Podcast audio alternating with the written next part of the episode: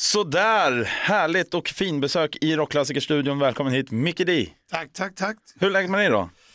Jo, det är bara bra. Jag har kört med pyspunka hela vägen från Göteborg och stannat på fan varenda mack och fyllt på lite luft och äntligen, eh, ja vi fick i lite sån här eh, muss liksom. eh, Så nu kom vi hela vägen upp i alla fall. Ja, härligt. Annars är det bra. Du är ju ute på Sverigeturné just nu som Micke D with Friends och storytelling. Eh, vi- vilka är det du har med dig, de här Friends? Det är Victor Skatt och eh, William Dickborn.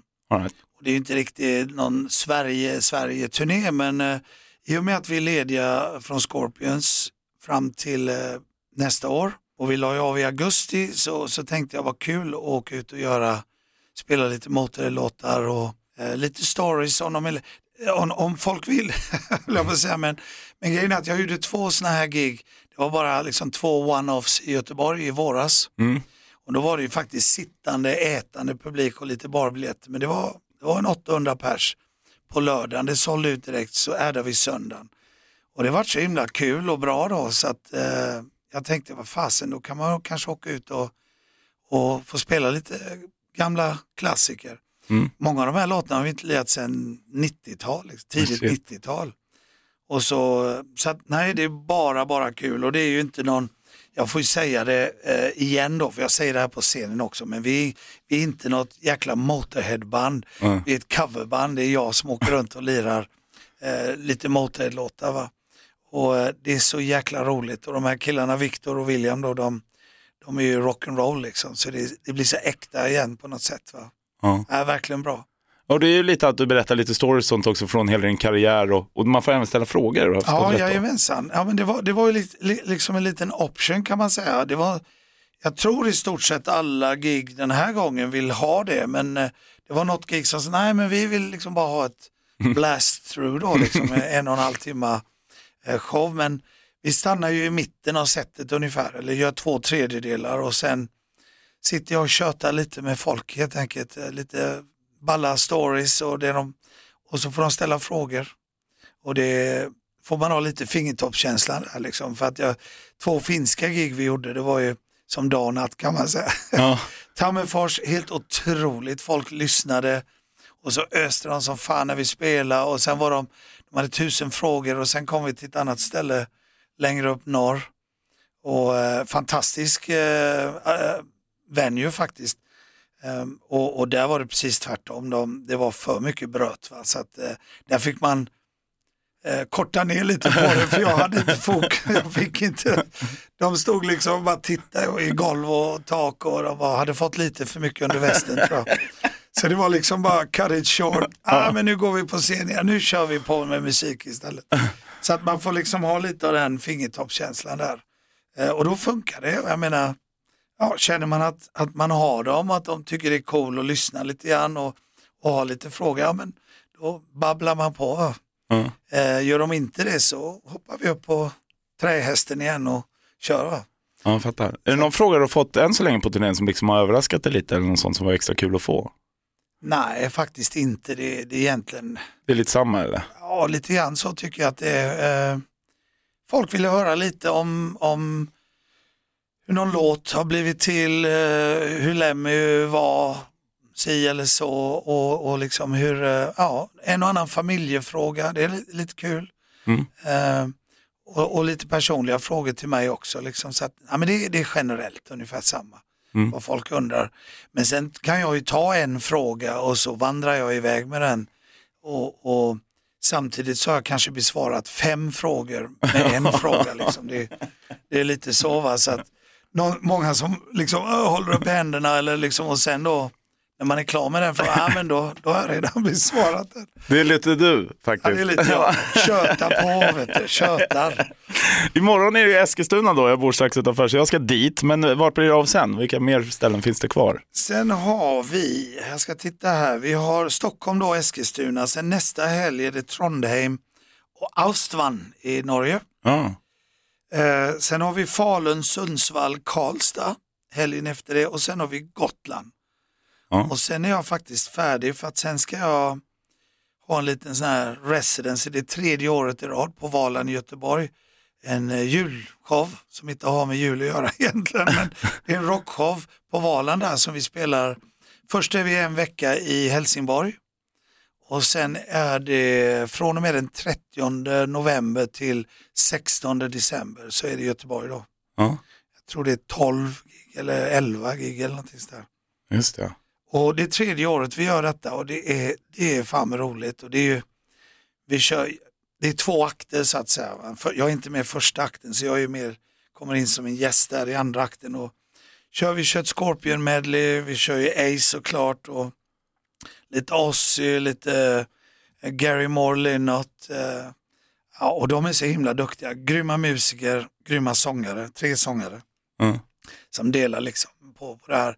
Så det har varit fantastiskt och bra mat på Valand faktiskt. Tycker nog det är bästa i Göteborg om man, om man ska ha buffé julbord liksom. Så Ja, det är att, dags eh, att boka upp dem nu. Ja. ja. Precis, julborden. Ja, nej, men så det är roligt så att det blir spela hela vägen liksom. Det är varje helg nu fram till eh, julafton och det här är ju någonting jag måste göra liksom. Jag kan inte sitta sex månader och sen upp på stora scenen. Alltså jag, Covid-grejen var en stor test för oss alla va.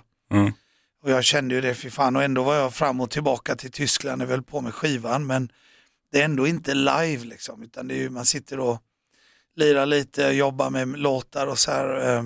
Så det här är vad jag måste göra, alltså mentalt och fysiskt, helt klart. Så att, eh, det är jätte, jättebra. Pratade med Klaus häromdagen, han frågade hur det gick på den här lilla eh, Tribute eller Motörhead-svängen och jag sa fy fan, det är jobbigt. Vi kör hårt liksom, det är tre dagar i rad och det är fullt gig plus lite till va. Ja. Ja det är bra Micke, det är bra, du håller dig i form liksom. Ja men de vill ha motorn, jag sa jag, jag uppgraderar från en V8 till en 12 nu så när vi syns nästa så är det fucking V12 som gäller liksom. Mm. Ja, roligt. Eh, något som inte var roligt var tråkiga nyheter som kom igår att eh, Ja. din vän Lasse Berghagen lämnat oss och hela Sveriges Lasse Berghagen. Min kollega Lotta Bromé kallade er vänskap för lite oväntad, en oväntad vä- vänskap. Hur träffades ni första gången? Ja men det, det var det väl, tror jag så här. Man, Lasse är väl inte den man förknippade direkt så med hårdrock eller liksom, men du vet han var ju, han var ju så himla bred liksom. Det, det var inga problem. Han älskade alla liksom. Det var, det var så enkelt allting och vi träffades väl, eh, jag vet faktiskt inte exakt hur vi träffades men det var på någon fest eller någonting och liksom klickade direkt och du vet han, han ställer frågor, han var så intresserad och han är ju god vän med Nico McBrain. Ja. Så han var ju mycket i Florida och spelar golf och sådär och vi har gått på hårdrockskonserter ihop liksom och tischerna är på och han liksom bara fullt ös. Och sen nästa dag så sjunger han Teddybjörnen liksom och, och Ja. Eh, en folkkär folkmusiks, eh, ja, men så himla bred och, och lätt och, och så. Och eh, jag trodde, jag tänkte ringa honom, men så tänkte jag, jag vet att han hade lite hälsoproblem, men man kunde ju aldrig ens tänka att det gick så här långt då. Så att jag lämnar han i fred, jag ringer eh, när han är hemma igen liksom och lite recover så här, men tyvärr alltså, fan, det var, det var en riktig eh, dänga va. Mm. Ja, verkligen tyvärr. Det var ju han eh, likadant som Torleif Ja, faktiskt. precis. Mm. Gick bort under pandemin där och, och samma krutgubbe liksom. Kom ju och kolla Motörhead och kolla liksom full hårdrocks, tog med familjen och hade hur roligt som helst.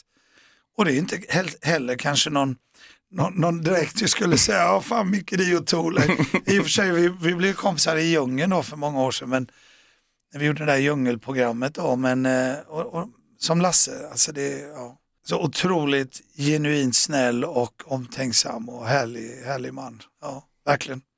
Vilka hårdrockskonserter var det ni var på bland annat? Ja, vi var på Maiden och, och vi var på, jag kommer inte ihåg, en massa små Ja. så grejer. Men du vet, han var ju så intresserad av allt, tror jag, på andra, det han inte gjorde. Och jag Ja. är precis likadan. Eh, Det är som att spela hockey när vi gjorde den här matchen innan VM då mot eh, OS-laget 94. Just det, ja. När vi satt på eh, kvällen innan bankett, då ville alla de snacka musik och, och rock stories. Jag vill bara snacka hockeygrejer. Liksom.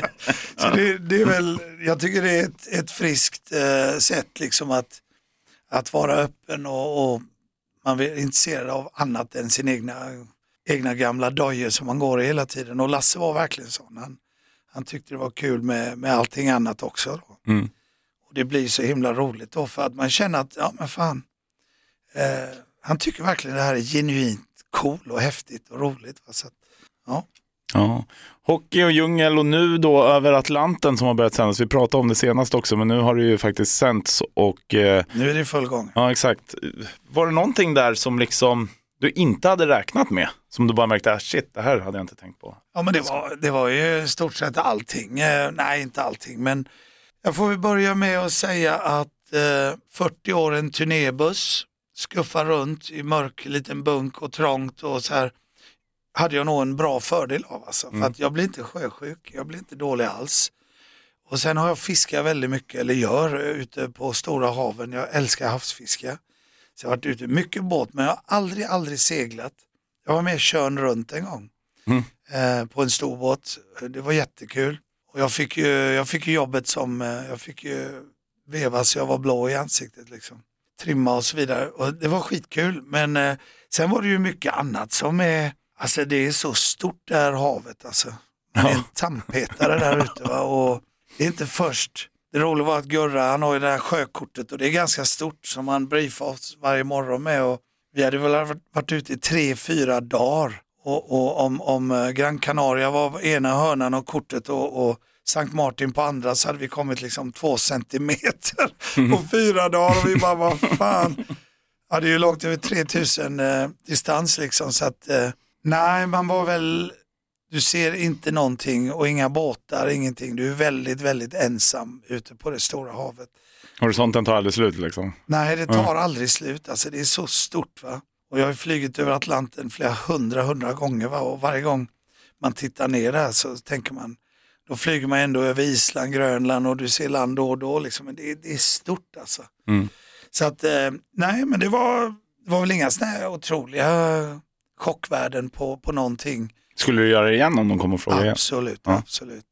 Jag sa, jag sa att det var, det var 85% himmelriket och 15% helvetet. Ja. För vi hamnar ju faktiskt eh, nästan fem dygn i, inte i storm, men väldigt bråkigt väder. Liksom. Inte så mycket regnmässigt, men, eh, men havet var inte så vänligt mot oss. vi hade fel vindar och det var kraftiga vågor och ja, det var ju svansen på, en, på ett jättelågt tryck då. Vi hade väl vindar upp till 40-45 knot så att det, det drar till. Mm. Sen var ju den här båten, eh, det är Gurras båt, en jättefin Svan från, eh, eh, från 83. Så det är en stabil, tung, den vägde 38 ton och du vet när vågorna, och singelroder, alltså inte dubbla då. Så att den, den ville ju liksom gå, det gällde ju att hålla den i, i, på rätt kurs. Va? Den ville dra upp i vind, den ville gå ner. Så det var fasen inte lätt alltså att hålla, hålla kurs. Nej. Och eh, det gäller att göra det för du kan ju snappa bom och du, du vet det smäller i grejer. Det är sån kraft i de här grejerna. Va? Mm. Och när en stor jäkla våg skickar på båten som väger 38 ton, du, du vet, du flyger all världens väg. Liksom. Mm. Så att eh, man fick ju lära sig att hålla tungan rätt i mun, det är helt klart. Och, men med Gurra som, som eh, skipper och kapten där så, så känner man sig ganska lugn. Mm. Men det var jobbigt de här eh, dygnen, alltså, det är helt klart. Men sen satt vi och tittade på en stjärnhimmel jag aldrig någonsin har sett. Eh, otroliga nätter alltså. Och sen när vindarna börjar bli varma. Och, ja, fantastiskt. Mm. Nej, det gör jag gärna igen faktiskt. Men eh, frågan är om man ska få tid till det. Så att du gillar havsfiske och sånt, vilken är den största fisken du har fått? Ja, det är en Blue Marlin tror jag som har varit De nu. Ja, Ja. jag får ju en Marlin på den här resan också. Mm. Jag hade ju skitgrejer att fiska med. Det var ju liksom gjort för makrill, va, du vet. Va? Nej, det var inte några bra grejer, men eh, rullen var ju kass och ah, fy fan, det var jobbigt. Så jag trodde aldrig jag skulle få upp den här, men den var inte världens, världens största, men den, var, den slet rätt bra. Mm. Nej, men det är en Marlin utanför, eh, vad var vi, Acapulco tror jag. Okej. Eller var det Cabo San Lucas? Jag kommer inte ihåg. Men, och eh, Seabass, eh, stora havsabborrar utanför Australiens kust. Och de är stora som folkvagnar. De är rätt tråkiga att få för de bara biter och sen hänger de bara med upp och så släpper man dem. Liksom. Ja. Men de, de väger ju och de är stora. Alltså. Nej, jag älskar att fiska alltså, men det är liksom mest catch and release. Jag käkar inte mycket fisk själv. Liksom. Det är en kul grej när man är ledig på turnéerna. Jag var ute i El Salvador och fiskade mycket barracuda och, och så. Jag har varit ute nästan på alla haven i stort sett tror jag. Mm. Har man ett par days off, ja, då sticker jag. Ja. Vi har Rolling Stones helg här i helgen eftersom de släppte nya plattan i, i, idag. Har du hört någonting från den förresten? Ja, jag hörde första singeln. Ja, Angry där ja. Ja. Mm. Vad tyckte du? Jag tycker det är skitbra, låter jättebra. Det enda jag tycker är att med Stones, men nu kanske jag, när folk säger det samma grej till mig, va, då blir jag förbannad. och det är det att eh, de säger, ja vad fan, de vill att det ska liksom låta som det gjorde för Ja, precis. 40 ja, år sedan, exakt. 50 ja. år sedan.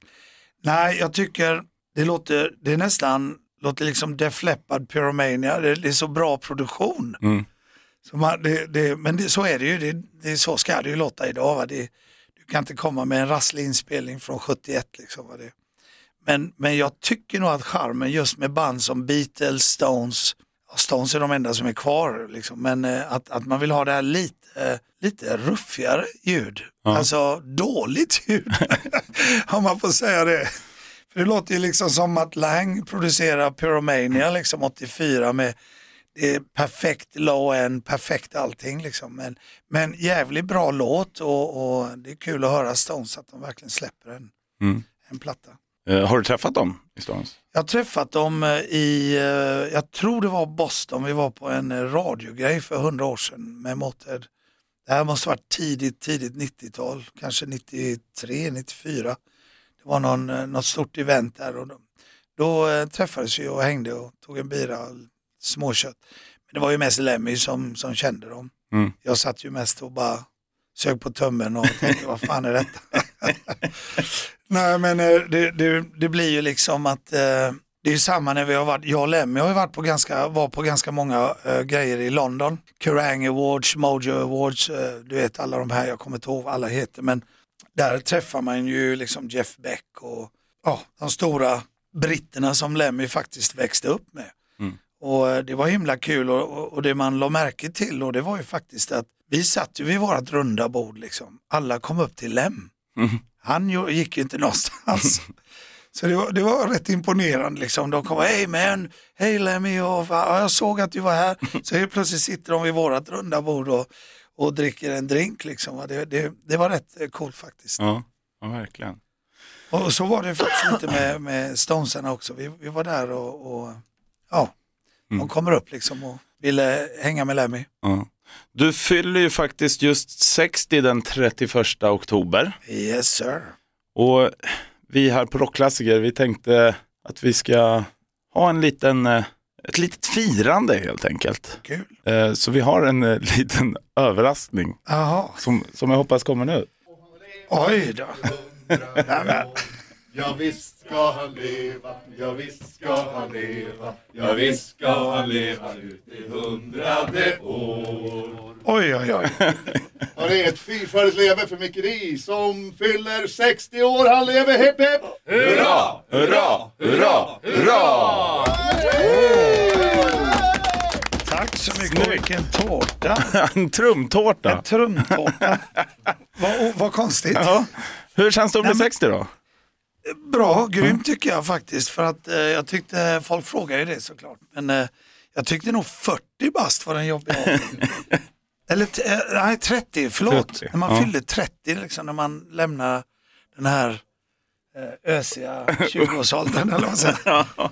Hur ska du 30. fira då? Nej, jag är ju inte hemma. Jag lirar ju den, tre, eh, eller jag lirar inte den 31, för det är en tisdag tror jag va? Mm. Jag har bjudit eh, släkten som jag har runt om i Sverige ner till Göteborg och då går vi, vi nog 35-40 stycken som går på en jätteschysst restaurang. Mm, okej. Sen får jag väl ha brakfesten nästa år någon gång. Nästa år. Jag spelar ju fan varenda fredag, lördag liksom. Så, så det, blir, det blir spännande. Ja, grymt. Tack så jättemycket för att du kom hit. Åh, eh, vad kul. och stort Tack så grattis. hemskt. Ett poddtips från Podplay. I fallen jag aldrig glömmer djupdyker Hasse Aro i arbetet bakom några av Sveriges mest uppseendeväckande brottsutredningar. Går vi in med hemlig telefonavlyssning och, och då upplever vi att vi får en total förändring av hans beteende. Vad är det som händer nu? Vem är det som läcker? Och så säger han att jag är kriminell, jag har varit kriminell i hela mitt liv men att mörda ett barn, där går min gräns. Nya säsongen av Fallen jag aldrig glömmer på Podplay.